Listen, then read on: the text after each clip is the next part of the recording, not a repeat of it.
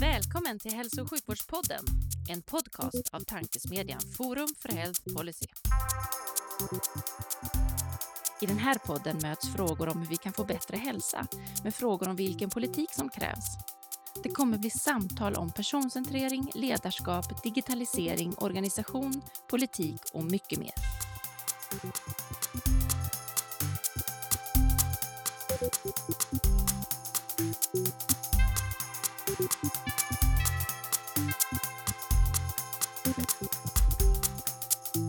Hej och välkomna till Hälso och sjukvårdspodden, tankesmedjan Forum för Health Policys initiativ för att sprida goda idéer och tankar kring dagens och framtidens hälso och sjukvård och omsorg.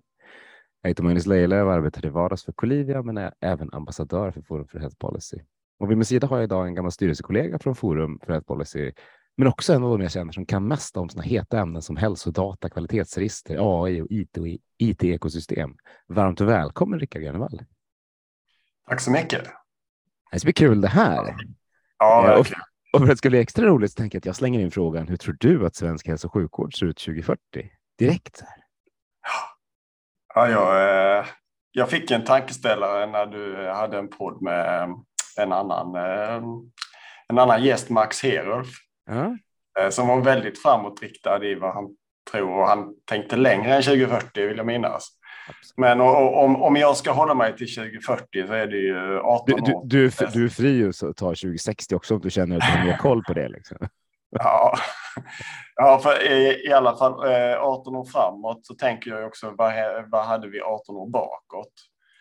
Eh, och om vi tänker att utvecklingstakten är ungefär densamma så, eh, så önskar jag ju att de kommande 18 åren såklart hade, eh, hade med sig en betydligt högre förändringstakt än de föregående. Men det, är inget jag eh, egentligen skulle sätta några pengar på. Utan jag tror att 2040 kommer att vara rätt så likt det vi har idag. Eh, På 18 år så hinner vi med ungefär en runda upphandling av stora journalsystem till. Eh, Och då kommer det finnas system som ser ut ungefär som de som används idag.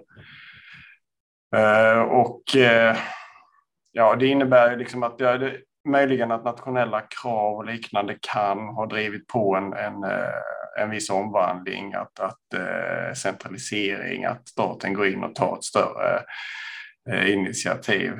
Men generellt, nej, ungefär som idag. För, för om du går 18 år tillbaka i tiden så fanns det inga iPhones. Eller fanns, det var liksom ganska mycket saker som inte fanns. Om du ska Ja. sa, samma utveckling, borde det inte ha hänt, borde det inte ha hänt mer? Jag blir lite dyster av att höra det här. Ja, ja men det, det, ja, men det fanns ju iPhones eh, 24. Eh, Ja, det, Men det- det, är, fan- det är 2022 ja. nu, du har rätt. Det var, Eh, och det fanns internet på, eh, på sjukhusen och kom runt millennieskiftet där man släppte in.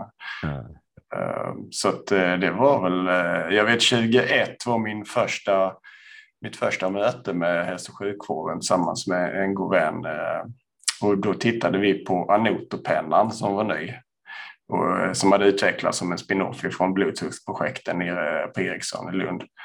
Och som skulle kunna göra rätt mycket för att eh, förenkla dokumentation och även patientrapporterade mått och liknande.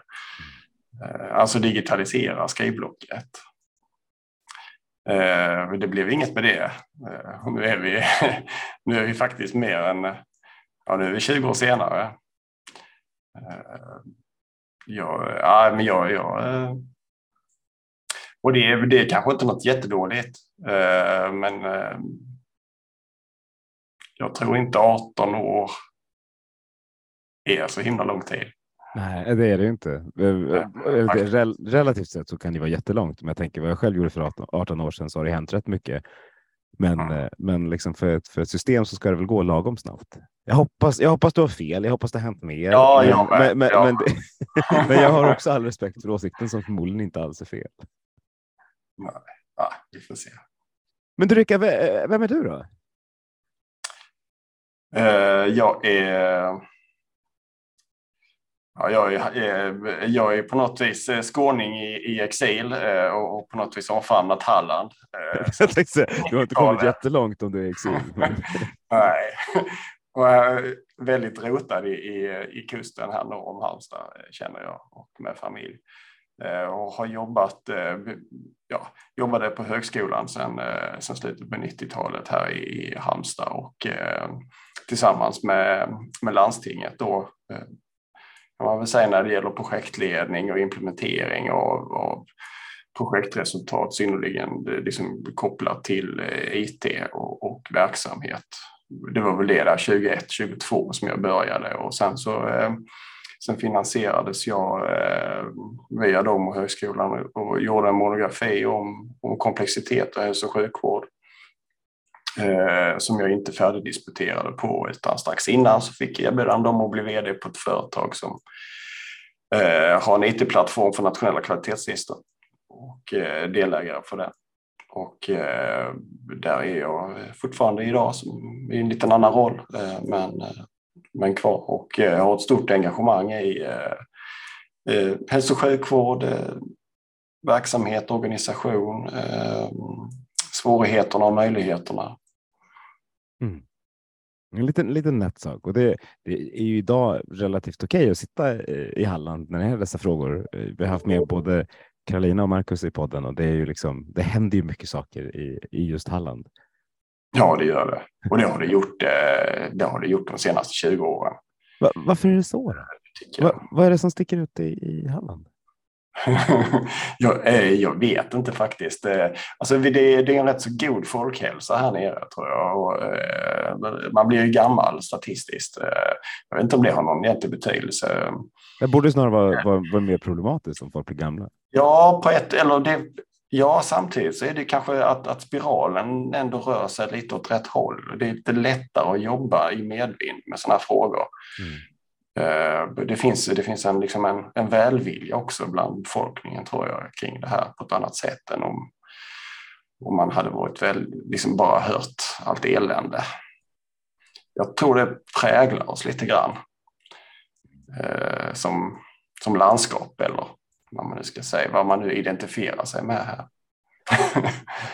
Absolut, och, och, samtidigt även om man är lite äldre så är det, eh, det finns ju ett sätt att, Eh, att ta till sig ny, nya idéer och ny teknik och våga, våga ställa om och våga liksom, vill man testa någonting som är lite åt hållet AI inom svensk hälso sjukvård eller IT, nya IT-lösningar så är Halland liksom det, bland den region man tittar på. Hur, kom, hur kommer det sig? Ja, det, jag tror det fanns ett, eh, det fanns väldigt tidigt ett, eh, ett samarbete mellan, mellan landstinget eller, eller regionen då, som, som kommer och senare och högskolan eh, kring de här frågorna. Och jag tror det har väl varit lite drivande och det har ju lockat till sig individer i, i ledande roller eh, successivt genom åren som har förstärkt det. Um, och sen är ju, är ju Halland liksom tillräckligt litet för att det ändå ska gå att liksom kunna kommunicera en sån här, eh, såna här liksom, eh, initiativ. Jag, jag tror ju, ju större organisation, ju större region, ju svårare är det och ju fler viljor kommer det vara som konkurrerar med varandra om vem som ska, ska få ta taktpinnen. Mm. Det, det, är nog, det ligger nog mycket i det. Även om det verkar finnas vissa viljor i Halland också så det verkar det lösa sig. Ja, ja, ja, det kommer man nog aldrig ifrån. Och, um, jag, jag har ju fått lite kritik för att jag någon gång liksom, hade liksom någon slags förkärlek för de små organisationerna i någon workshop. Va? Små sjukhus, eh, små... Uh, men jag, jag vidhåller ändå det att det är liksom svårt nog. Man behöver inte addera storlek om man inte man absolut måste. Mm. För du, god hälso och sjukvård. På tal om det, du, du har suttit som vd för ett företag som har jobbat med kvalitetsregister, en plattform för kvalitetsregister. Hur, ja. hur, hur upplever du samarbetet utifrån den rollen med, med regionerna? För jag tänker att då, då, sitter, då sitter du med, liksom, du sitter på en privat sida och samtidigt kvalitetsregister är ju någon slags motor inom hälso och sjukvårdens utveckling som ju, som ju man vill komma åt. Och sen så har du regioner av olika storlek. Mm. Ja, jag, får, eh, eh, jag kommer inte svara riktigt på frågan, men... Eh, och sånt godkänner vi naturligtvis. Här. Eh, men utan jag, jag, jag kommer jag tänker att den, den, det som intresserar mig just nu det är att den data som samlas in av regionanställd personal i samband med att, att man har besök eller det utförs en insats på en patient Eh, i ett nationellt kvalitetsregister via något gränssnitt. Ibland är det ett pappersformulär, ibland är det ett webbgränssnitt. Eh, ibland är det direktintegration mellan journal och kvalitetsregister. Den, den data som samlas in, eh, ibland så, eh, eller för det mesta, så är den väldigt svårtillgänglig för eh, vårdgivaren, för regionen. Eh, efter det att den är inmatad, då försvinner den in i ett annat system Eh, som förvaltas av en annan region, eh, så kallad CPU-myndighet. Eh, I de allra flesta fall, som det finns en för per nationellt kvalitetsregister i Sverige. Och sen är det ett jättestort sjå om då eh, vårdgivaren vill ha tillbaka sin data. Man kanske har gjort jättefina registreringar på strokepatienter i Halland till exempel. Eh, men eh, mm, eh, den, den informationen har man inte lättillgänglig. Utan då får man kämpa med att få tillbaka. Kan vi få, kan vi få se vad det var vi har dokumenterat så fint med, med strukturerad data på våra strokepatienter? För, för en utomstående så låter det här nästan lite bisarrt. Att, mm. att ens egen data som väl borde ligga i ens eget datalager, tänker jag, eh, försvinner bort i, liksom, inte finns kvar någonstans. Att det inte är en kopia som skickas upp till kvalitetsregister. Vad, vad, vad, berätta mer. vad skulle man behöva göra för att det här skulle kunna fungera? Ja, eh, man skulle nog behöva vara väldigt tydlig med att eh, all, all information eller data, vad vi nu väljer att kalla den, som, eh, som produceras av, av en vårdgivare eller patient eller i samband liksom, värdeskapande data, att det också sparas eh, hos den som är personuppgiftsansvarig och på något vis huvudman för den vården som bedrivs och inte, inte på något vis blir låst i de system man använder. Eh, att man kan skilja på data och programvara helt enkelt. Att man tar ansvar för sin egen data. För känslan är ju när, när datan skickas till ett kvalitetsregister ska den vara ganska lättillgänglig för regionen för att kunna jämföra liksom, olika enheter mellan, mellan sig, att det liksom var själva poängen. Mm. Eh, men det betyder att individdatan försvinner helt, men den finns kvar på aggregerad nivå på, liksom, på sjukhusnivå eller så. Ja, ofta har man ju tillgång till andelsmått eh, tämligen eh, snabbt eller, eller på andra sätt eh, för att kunna jämföra sig. Då. Men, men alltså just som du säger, patientdatan, den, eh, den finns ju då i det systemet som den är inmatad i och eh, man har inte en, en parallellkopia i sitt eget datalager att tillgå. Eh, vilket ju såklart skulle berika den egna eh, kunskapen och liksom möjligheten att, att förstå vad det är man gör själv som vårdgivare. Ja, det känns som att möjligheterna borde vara större om man hade kontroll på all, all patientdata. Så är det ju. Och det är, nu, nu är det jättehett med egenmonitorering och det har ju många kvalitetsregister bedrivit i årtionden. Eh, för att kunna följa, speciellt inom kroniska sjukdomar, att kunna följa sjukdomsutveckling över tid. Där, där patientrapporterade mått och egenmonitorering är helt avgörande. Men den, den datan har ju inte, den har inte sparats ner i, i som vårdgivarens system, utan den skickas ju normalt in i ett, eh, ett, ett annat system utanför vårdgivarens kontroll. Um, och, och, så nu har det blivit jättehög monitorering och nu, nu vill man ha egna system för det. Men man ska komma ihåg att det här, det här finns, det pågår. Eh, inte, inte komplett på något sätt, men, men tillräckligt mycket för att man kanske ska fundera på varför man inte har nyttjat det här tidigare. Mm.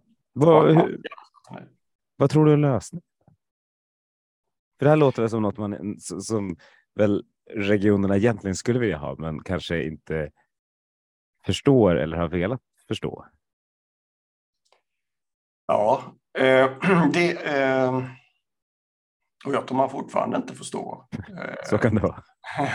och det, det, det kan nog vara en liten resa att göra. Eh, en liten region som har koll på sina system eh, Eh, har ju de i ett register och, och eh, ett sådant som jag känner till har 750 system med dedikerade objektsägare per system. Eh, men det är ju bara de största såklart. Totalt så sa Göran Stiernstedt att ungefär 10 000 system används i Sverige inom hälso och sjukvård i sin effektiv vårdrapport. Och skulle alla de systemen direkt integreras med varandra, vilket egentligen då blir konsekvensen av den här liksom, systemen måste kunna prata med varandra. Mm. som man så ofta har hört. Jag tänkte säga, för det, det, är något man hör mest hela tiden. Ja, det har du också hört. Ja, och, det, och förmodligen sagt också om jag känner mig själv. Ja, och då är det ungefär 50 miljoner integrationer som behöver göras för att få ihop dem. Mm. Och nu är det ju inte, det kommer inte vara aktuellt med 10 000 system, som, men alltså, principen blir den. Och samtidigt som, som det då är systemleverantörer som på vart och ett eh, håll utvecklar de här kontinuerligt och innebär att de här integrationerna måste uppdateras kontinuerligt, de här 50 miljonerna. Så det, det, är ingen, det är ingen framkomlig väg och har aldrig varit om det är någon som har liksom brytt sig om att räkna på det. Eh, och det finns heller egentligen ingen vits med att, att låta systemen vara bärare av eh, ens egen data. Om man har för avsikt att lösa den problematiken som finns med att data är låst till system eller låst till silos som man pratar om då. Vilket då har gjort att, att eh, en reaktion på, den här, på det här dilemmat från många eh, IT-ansvariga inom eh, Vårdsverige eh, har eftersträvat ett, ett färre antal system ju färre ju bättre. Och det har ju varit en naturlig konsekvens av att man har låtit datan vara låst till systemen. Det är bara det att det finns, det finns ingen framtid i det. Utan eh, ska hälso och sjukvård kunna utvecklas effektivt så måste det finnas system i egenskap av verktyg som, som gör det de behöver göra mm. och som löser de behoven som finns här och nu och inte supertrubbiga, jättestora som egentligen inte är bra på någonting annat än att härbärgera data som de egentligen inte har med att göra utan det är ju vårdgivarens jobb. Det var inte så muntert. Nej. Nej. Ja, men, och det, det, det, ja, men det är ändå lite roligt för mig. Det, det, det finns ju jättemöjligheter i det här och det pågår ju en del bra arbete eh, faktiskt. Och, och det arbetet som, som regionerna lägger ner mest krut på just nu handlar ju om framtidens vårdinformationsmiljöer i olika former. Mm. Tror du att det kommer att lösa många av knutarna eller kommer du skapa fler knutar?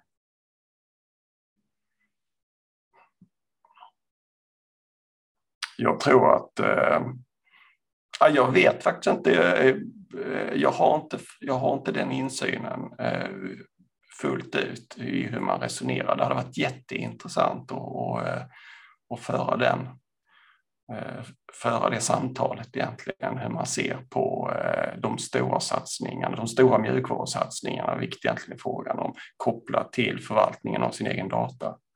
Mm.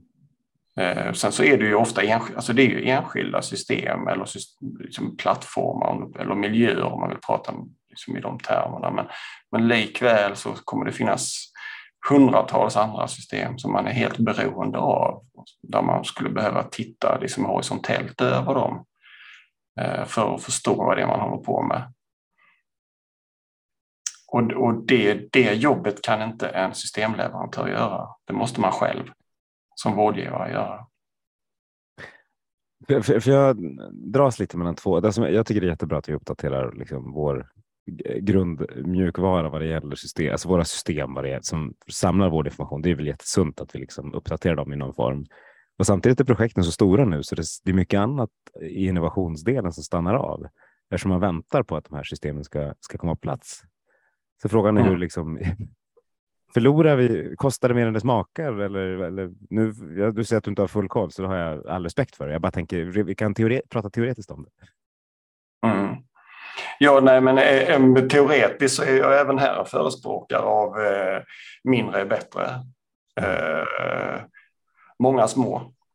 Men eh, det kräver ju att eh, det finns en stor intern förvaltning av ens egen data. och det, det, är inget, det är inget att ta lätt på. Det är inte tre, fyra pers på NIT-avdelning som gör det jobbet. Det måste man ha väldigt klart för sig. Eh, för att kunna realisera många system, många små system som är dedikerade för sin uppgift och som är lätta att ersätta när det kommer bättre. Eh, så kräver det att man har koll på sin egen data och att det är lätt att plugga in och plugga ur. Eh, som det är idag så måste ett system som är så kallad klientinstallation, alltså finns hos vårdgivaren men, men datan är tämligen låst i, i den mjukvaran. Den, eh, den migreringen som måste göras mellan två stora system, den är, den är gigantisk. Och det är ju systemleverantörerna som, som åläggs den uppgiften och, och vi vet ju miljonerna rullar ju något alldeles för att det här är ett, det är ett stort jobb. Det jobbet skulle till stor del ha varit gjort av den som äger datan, mm. vårdgivaren. Och så skulle det vara plugga ur och plugga in mer eller mindre i mindre system. Mm. Vad, vad, har du för förebilder om det? Är det några andra sjukvårdssystem som, som är bättre på det här? Eller skulle du säga att det är några andra sektorer eller eh, företag eller organisationer som är bättre på det? Inom hälso och sjukvård kan jag inte säga att jag har några länder eller eh, vårdleverantörer som jag så där uppenbart kan, kan referera till. Jag vet, det finns ju många som, som har erfarenhet och det, det tror jag är bra. Det är bra att göra de typerna av besök Eh, när det gäller andra branscher så är det ju, det finns ju många liksom, datatunga branscher man kan titta på. Eh, eh finansvärlden är en sån. Mm. Eh, där det väldigt mycket handlar om information och informationshantering.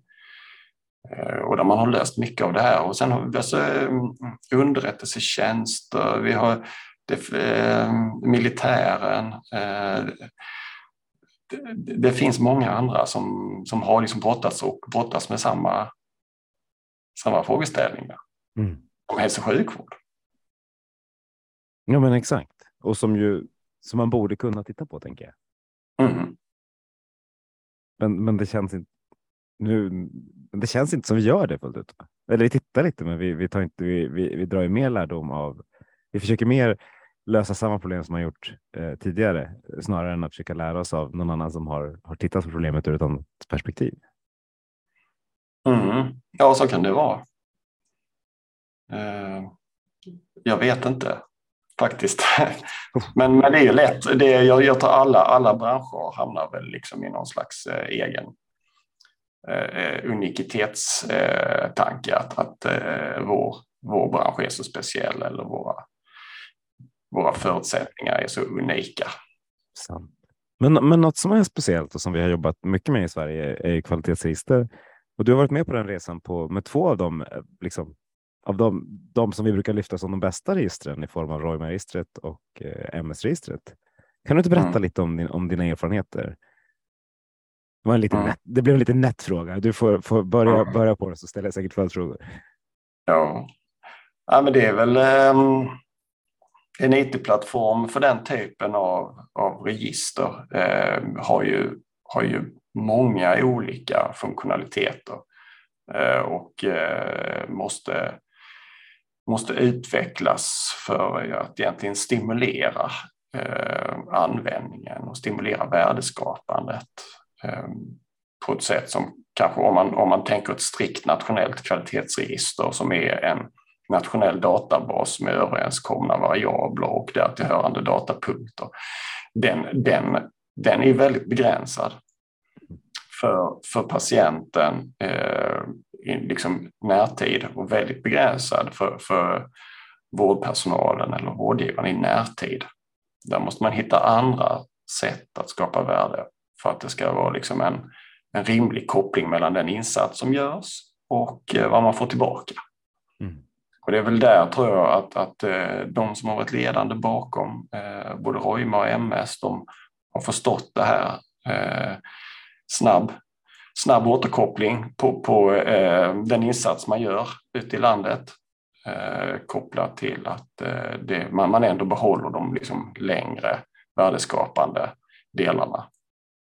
Av den mer traditionella karaktären. Mm. Det blir mycket med för förra avsnittet för er som lyssnar och det som, som Rickard får lyssna på på tisdag nästa vecka så, så intervjuar jag Sofia Ernestam. Så vi, har liksom, vi får mycket Roy här under, under Jaha, ja, vad bra. Det visste inte de, men det, det hänger ihop Nej. det här allting. ja, det gör det verkligen. Och, och till henne ställde, ställde jag samma fråga som tänkte säga till dig. Var, varför tror du? Om vi, nu, för nu har vi ju en jättemassa bra register, men det, ja. det, det, känns som att de är liksom uppbyggda i silos i mångt och mycket. Var, varför har vi inte lärt oss mer av varann och liksom lärt oss av de bästa? Om, vi, om det nu är dina register eller dina register var väl att ta i, men de du har varit med och jobbat med.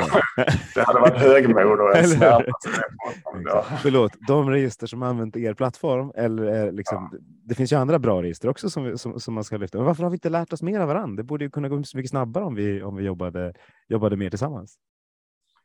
Ja, eh, absolut. Det är, det är komplext och det finns olika viljor kopplat till det här, olika agendor eh, som, som är rätt så svårgenomträngliga. Eh, hela, man kan säga väldigt stora delar av, av finansieringen är väldigt otydlig. Den som ska registrera, den som ska mata in information eller nyttja gör ju det här eh, liksom på eget initiativ.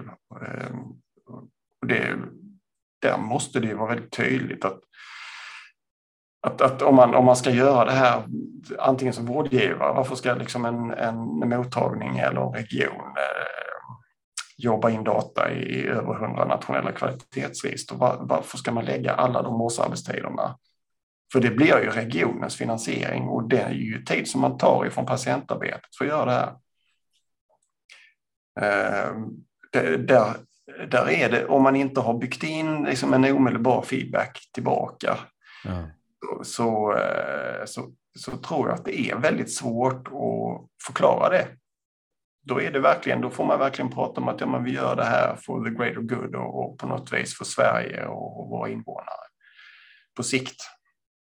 Och sen så kan det ju ofta vara så, liksom forskningen är ofta kopplad till kanske lite mindre forskargrupper som sitter på universitetssjukhusen. Och då måste det ju superviktigt att, att relationen mellan dem och de som skapar data i nationella kvalitetsregister är transparent och förtrolig.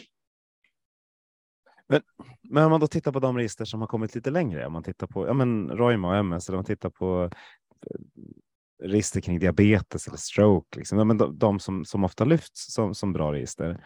Eh, mm där, där ger man ju tillbaka någonting, både till patienterna och till vårdenheterna i form av information. Borde liksom inte det vara ett grundkrav att man kopierar den typen av, av sätt att jobba.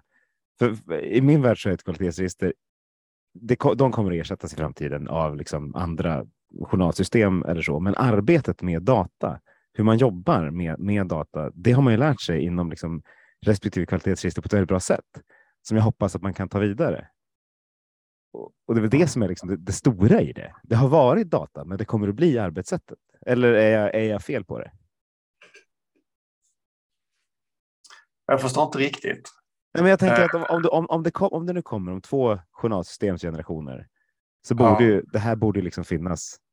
Du borde inte behöva ha ett separat journalsystem eller separat kvalitetsregister, utan det borde liksom finnas inbakat, tänker jag. Kanske naiv som jag är. Eh, och då tänker jag att det är det arbetssättet man vill ha kvar, som, som man jobbar med datan.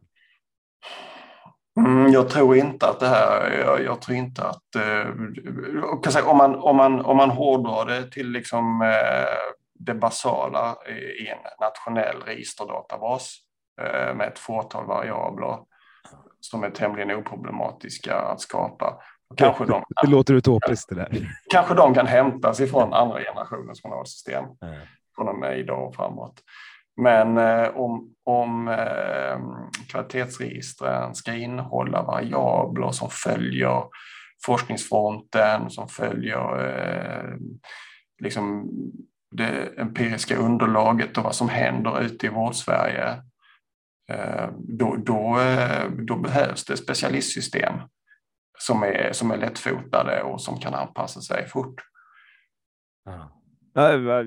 Det stämmer ju med all säkerhet. Eh, det hör jag nu när du säger det så. Men eh, borde det inte gå att väva ihop dem på något sätt? Alltså borde man inte kunna kravställa systemen på det sättet att du, att du nej, det kanske inte går. Nej, jag tror inte det. det, det... Vad, trå, vad tråkigt, det känns ju lite dystert när man hör på det sättet. Nej, nej alltså eh, det enkla det är ju att, att eh, framtiden behöver ju eh, mindre system. Mm. Där systemen är, är verktyg för, för den aktuella uppgiften. Och om det finns bättre så byts de ut. Mm. Tämligen oproblematiskt. Och datan som de genererar är kopplade till en intern datamiljö hos rådgivaren. Ehm, då, då, då kommer liksom inte det här dystra att, att eh, ett jättestort journalsystem ska bära 54 specialistläkarföreningars eh, utvecklingstakt och behov av, av effektiva verktyg här och nu. Det är, liksom inte, det är inte rimligt att lägga det på en systemleverantör. För det kommer aldrig hända. Nej, det låter, det låter helt rimligt när du säger och jag försöker väl göra det lite för enkelt, mest för sakens skull. För att det... Ja, du, du är inte den första och du kommer inte den sista heller. Eller hur? Precis. Nej, det, är, det är nog mest för att det blir, det blir så. Och, och jag har inget emot att vi har massa olika system. Jag har något emot att vi ska hitta på sakerna åt, om och om igen. När man, om man tittar med liksom, jag har jobbat med läkemedel under en lång tid med olika, olika diagnoser. Det beror väldigt mycket på vilket område man är, eh, vad som, om det finns ett bra system eller inte. Eh, ah, liksom, jag har jättefina exempel från en del register och fantastiskt dåliga exempel från, från andra register där liksom saker som verkligen borde funka och som, som jag skulle sätta som grundkrav inte alls finns. Eh, så det, var, det, är nog, det, det är nog mer det. Men om man reflekterar vidare då kring, kring hälsodata. Eh, det är också ett sånt där buzzword kan man säga, men ett ganska sunt buzzword eftersom det, det handlar om, om data som rör, rör oss som individer. Vad, hur, vad, vad, är din definition av hälsodata? Jag har lärt mig att det är en bra fråga. Och, och, och vad, vad, tror du är liksom, vad tror du ligger närmast i framtiden vad det gäller hälsodata? Ja, eh, min definition är egentligen att, eh, att dela upp den i två kategorier och det är ju dels den, eh, den egenskapade hälsodatan som, som jag som individ skapar om mig och min hälsa om jag går ut här och tar ett blodtryck och ser att det är 124 genom 78, då är det också hälsodata. Absolut. Men det vi, det vi kanske mest pratar om som hälsodata och den andra kategorin av hälsodata, det är ju den som en vårdgivare skapar för att dokumentera någonting i samband med att jag söker vård. Det, det är de två olika kategorierna av hälsodata egentligen. Och det vi, det vi har hittills har berört och förmodligen kommer att beröra, det, det är ju det är den här senare. Det är ju den av vårdgivaren mm. skapade datan för att dokumentera någonting som har med mig att göra, eller någon annan patient. Och vad tror du framtiden där? Vad, vad, vad, hur tror du vi som patienter kommer att märka att man använder den datan på ett bättre sätt? Om du nu tror att man kommer att använda det på ett bättre sätt, men det är bara, det är bara förutsättningar. Ja. Jo, men jag, jag, jag är helt övertygad om att eh, vi kommer att gå den vägen, att en vårdgivare kommer att göra mycket mer med sin egen data. Mm. Och kommer så småningom inte, inte vilja vara i händerna på, på stora system eh, som låser in datan eller skickar iväg den till, till andra och sen har svårt att få tillbaka den. Utan man kommer, man kommer kunna göra saker med den själv. Kunna, kunna även titta på det som är, det som är metadata, alltså tidsstämplar, eh, eh, massa annan information som kanske inte vi normalt tänker oss som, som hälsodata, men som är jätteviktiga för att kunna knyta ihop eh, händelser över tid. Och den informationen kommer att kunna förändra mycket, både för mig eh, och, kunna också förändra mycket för vårdgivaren. Kunna ge vårdgivaren eh, helt nya informationer och prioriteringar. Alltså aktiva beslutsstöd kan vi väl prata om. Det, det, det tror jag att vi kommer att se mycket mer av i egenskap av specialistsystem. Att det, inte, det, det handlar inte bara om att göra journalanteckningar eller spana ner labbören eller vilka läkemedel man har skrivit utan eh, specialistsystemen kommer att agera på eh, min, min data i relation till alla andras data och sen ge förslag på vad är, vad är topp tre nästa steg för mig? Och hur tror du, hur tror du det kommer att göra skillnad för, ja, men för sig, både patienten och för en vårdgivare?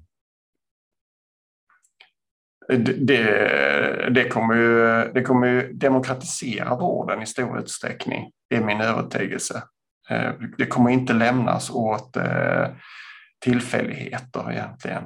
Eh, vem jag är eller vem min, min läkare eller vårdcentral är. Utan, ehm, ju mer vi kan sammanställa stora mängder data och använda den för att göra riktade, riktade beslutsförslag till enskilda patienter, ju mer kommer vi kunna jämna ut skillnaderna i hur eh, människor får ta del av den här fantastiska vården som vi har i Sverige.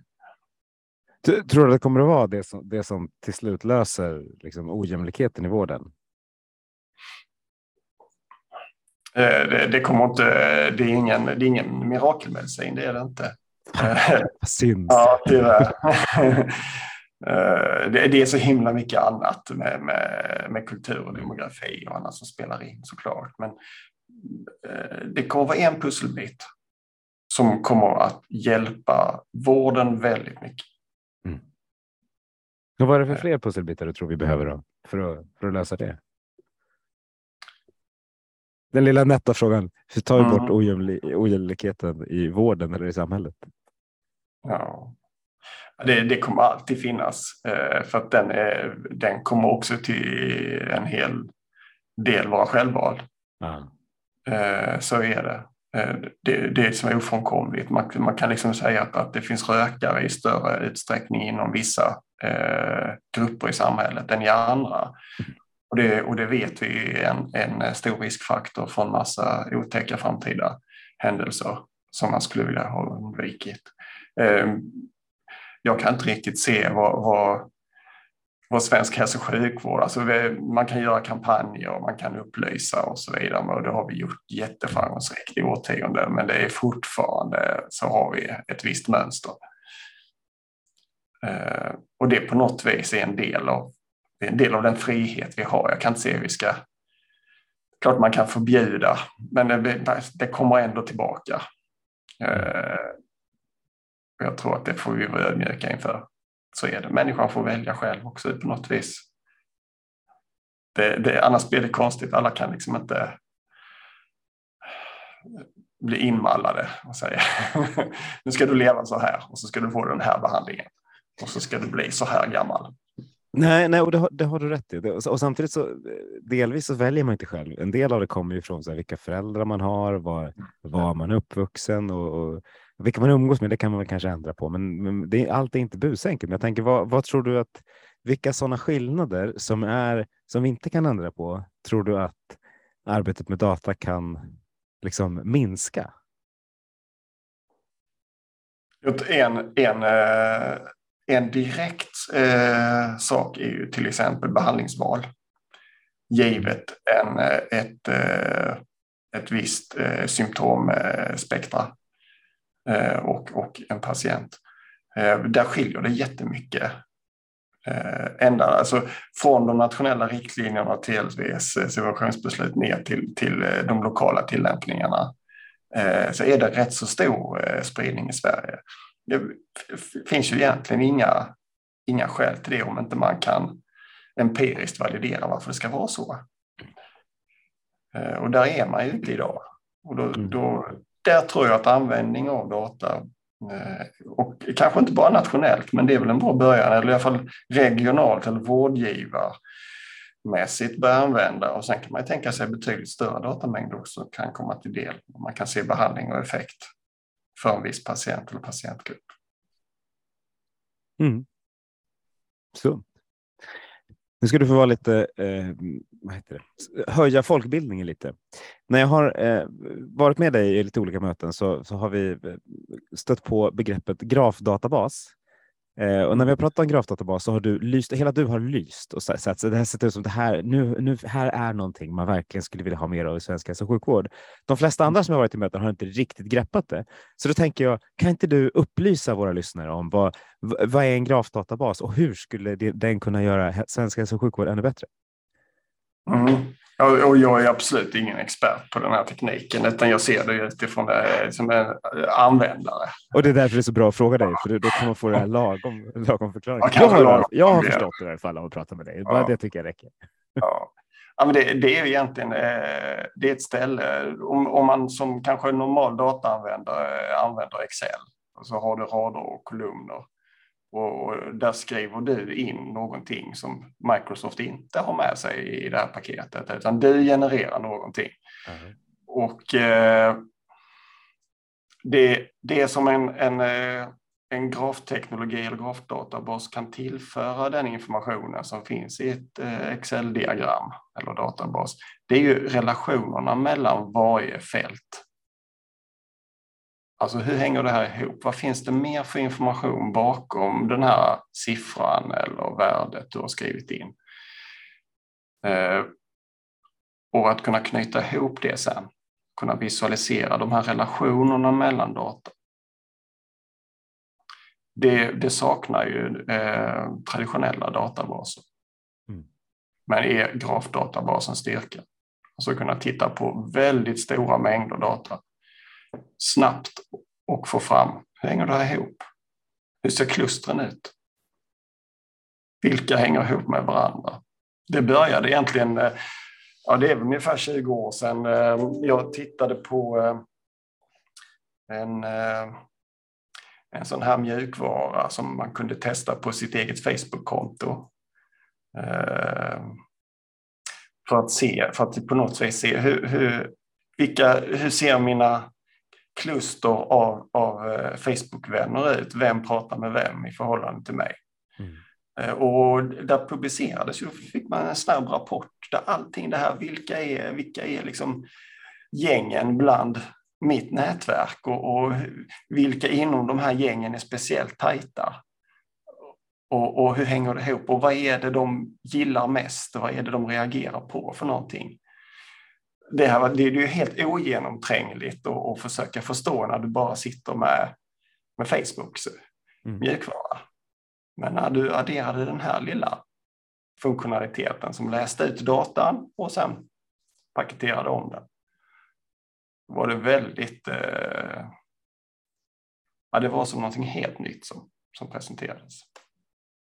Och vilken del av vården skulle du vilja göra samma sak på? För Facebook är ju, det är ett roligt exempel och det, därför, liksom, det är väldigt konkret så man förstår, man förstår det där. Man, man tänker, ja men det där, nu förstår jag varför. Var, var skulle du vilja sätta in det här i vården om du bara, om du slapp eh, fundera på, på problem och hinder utan bara säga, jo men jag petar in det här och allt funkar. Mm. Ja, men, eh, om man liksom tänker sig att, att eh, det finns en, en komplett datamiljö hos en vårdgivare där, där informationen om eh, alla patienter hos vårdgivaren finns väl organiserad i gångar och hyllor och, och snyggt och prydligt uppsorterat. Tänk att gå in på Ikeas lager Mm. så ser liksom datan ut. Eh, då är det ju fortfarande så att det saknas kunskap om hur de olika delarna hänger ihop. Om man ska, om man ska liksom möblera en lägenhet, eh, hur ska jag, hur ska jag bete mig i, i de här gångarna? Mm. Det behövs ytterligare kunskap. Och där, om man kan lägga grafteknologin ovanpå en bra välorganiserad datamiljö, då, kan du få, då får du det här. Du kan, du kan fråga efter, ja, men jag skulle vilja ha ett kök i den här stilen. Sekunden senare så vet du exakt var finns den här, var finns den här informationen. Och vi kan visa upp den. Så här skulle ditt kök kunna se ut. Mm. Och det innebär ju också att jag skulle kunna fråga till exempel hur, hur behandlar vi våra stroke-patienter? Vad har vi för ledtid och, och, och var börjar, vad är det första symptomen? Var kan vi se att det här börjar och, och var, var slutar det? Och det, det är en massa aktörer såklart som är med och massa system som är med i en sån här frågeställning. För att vi ska få liksom det kompletta svaret utifrån all den data som egentligen finns. Mm. För att åstadkomma det så kommer vi behöva grafteknologi. Där finns alla de här relationerna också dokumenterade. Inte bara själva datapunkten utan all den här metadatan. Om man skulle implementerar det här så känner jag att det här skulle vara något som faktiskt skulle revolutionera i mångt och mycket. Eh, om man tänkte på första frågan, så här, hur kommer svensk hälso och sjukvård se ut 2040? Du tror alltså inte vi har implementerat den här typen av, av lösningar till 2040? Ja, men det kan nog finnas, men jag, jag tror det kommer ta ytterligare tid innan det liksom får, får genomslag i, i, i på något vis praxis. Mm. Uh, och det, det, tror jag.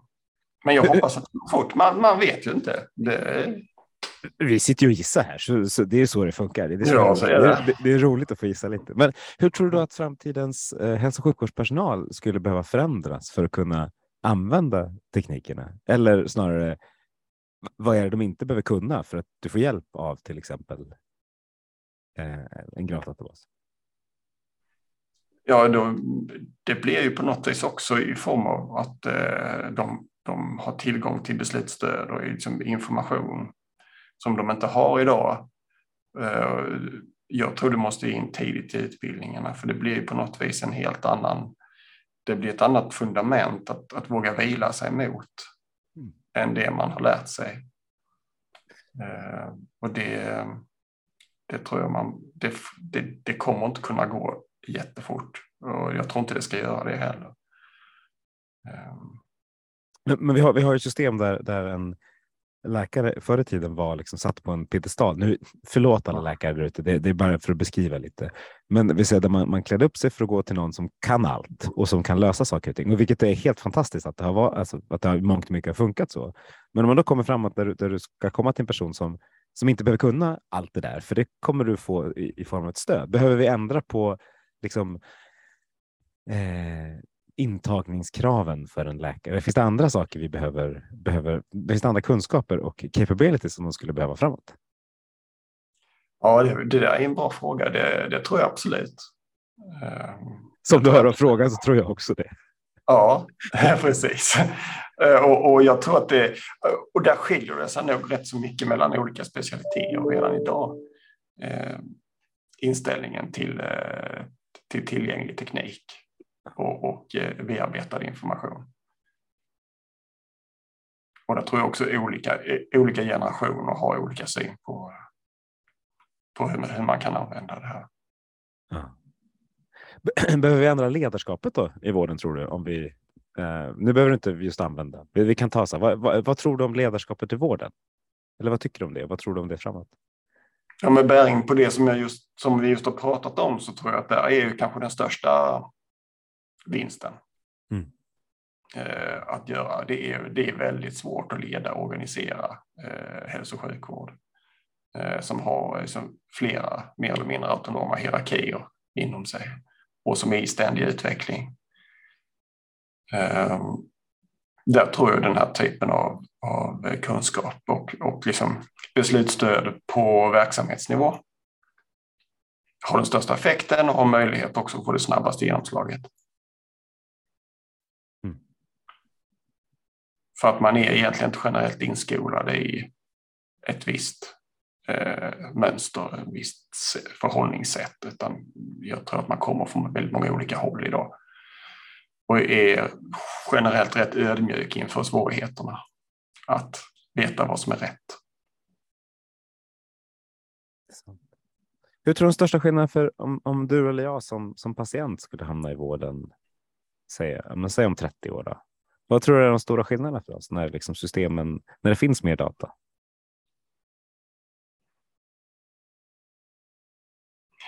Ja, jag, jag, jag hoppas ju att det kommer att bli, eh, vi kommer att få betydligt eh,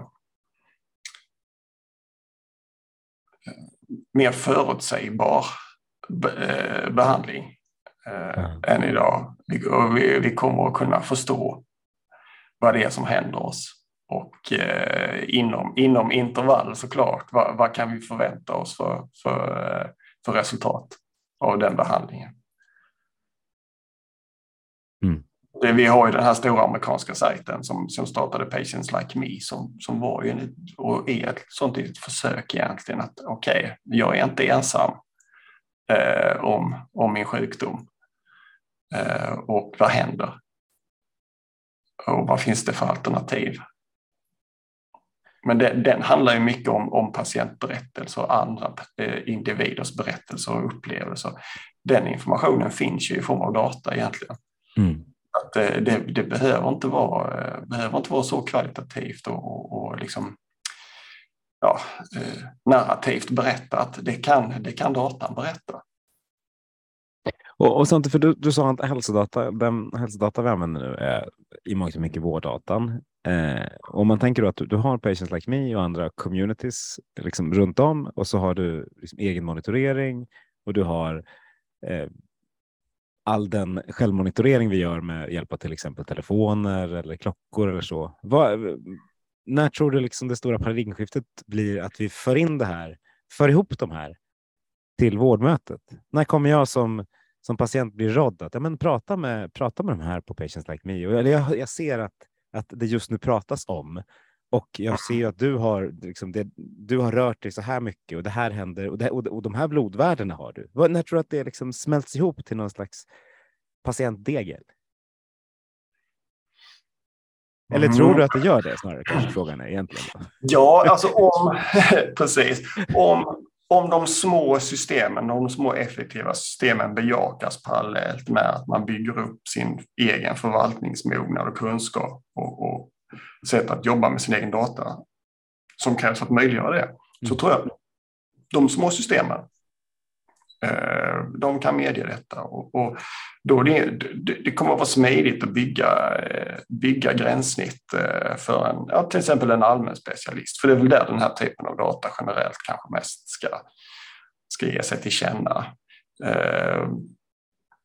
Och då, då, kommer det finnas, då, då, kommer det finnas företag som, som kan göra bra system som, som enkelt kan, kan presentera den här informationen. Om, om det är din klocka eller din eh, hemmablodtrycksmätare eller ja, vad det nu är eh, som kan vara intressant att få med i det hela eller, eller din följsamhet till den medicinering du tar. Att, att den informationen faktiskt finns och behöver inte handla om att du ska sitta och försöka komma ihåg eller, eller försöka mörka.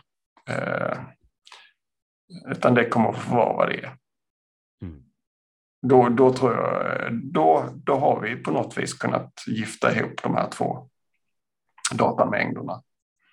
Men jag tror vi, vi, måste, vi måste gå dit här att, att systemen måste bli lättfotade eh, för att få igång en utvecklingstakt som, som klarar av det här.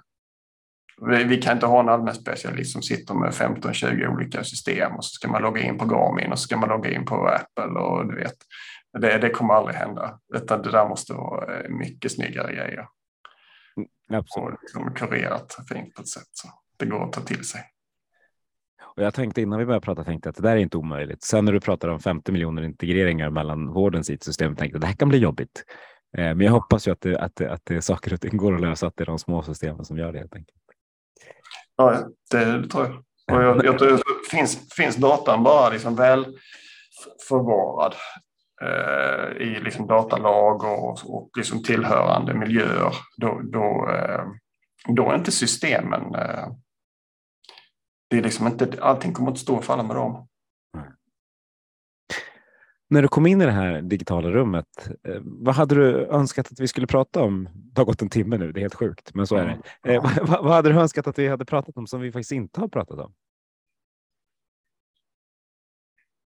Nej, jag, jag har nog inte några sådana tankar på att det skulle vara någonting annat som skulle sägas. Jag, jag tycker det som upptar lite min tanke nu och haft liksom möten den här veckan eh, som det har varit väldigt tydligt att det här är en fråga eh, på nationell nivå, inte minst kopplat till till Tidöavtalets eh, upprepning av behovet av en nationell statlig infrastruktur och i Hälsomyndighetens uppdrag att titta på detta.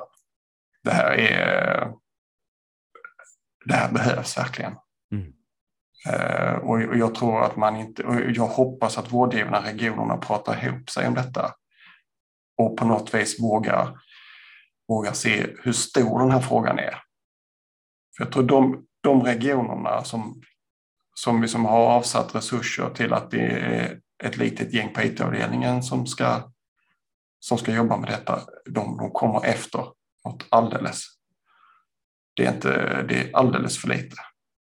Eh, och andra regioner som, som har kommit längre. Att, att, eh, att det finns en dialog och liksom en, en gemenskap där. Det hoppas jag på. Mm. Det är nog bra att hoppas på. Mm. Och, då, och då sammanfattar jag vårt samtal som att det behövs små system, små sjukhus och små regioner för att skapa stora välupplysta patienter. Ja, och sen får det gärna finnas en statlig styrning och liksom nationella faktorvillkor som liksom reglerar marknaden. Bra. Men mellanmjölken kan man skippa. Vi kan skippa mellanmjölken, det är bra. Förutom ja. med kaffet, för då kan det vara bra att ha. Ja, det kan Men Ulrika, då tackar jag varmast för att du var med i Hälso och sjukvårdspodden. Tack själv, vad trevligt. Ja, det tyckte jag verkligen. Och tack alla ni som har lyssnat. Nu går vi ut och förändrar svensk hälso och sjukvård till bättre. Mm, gör det.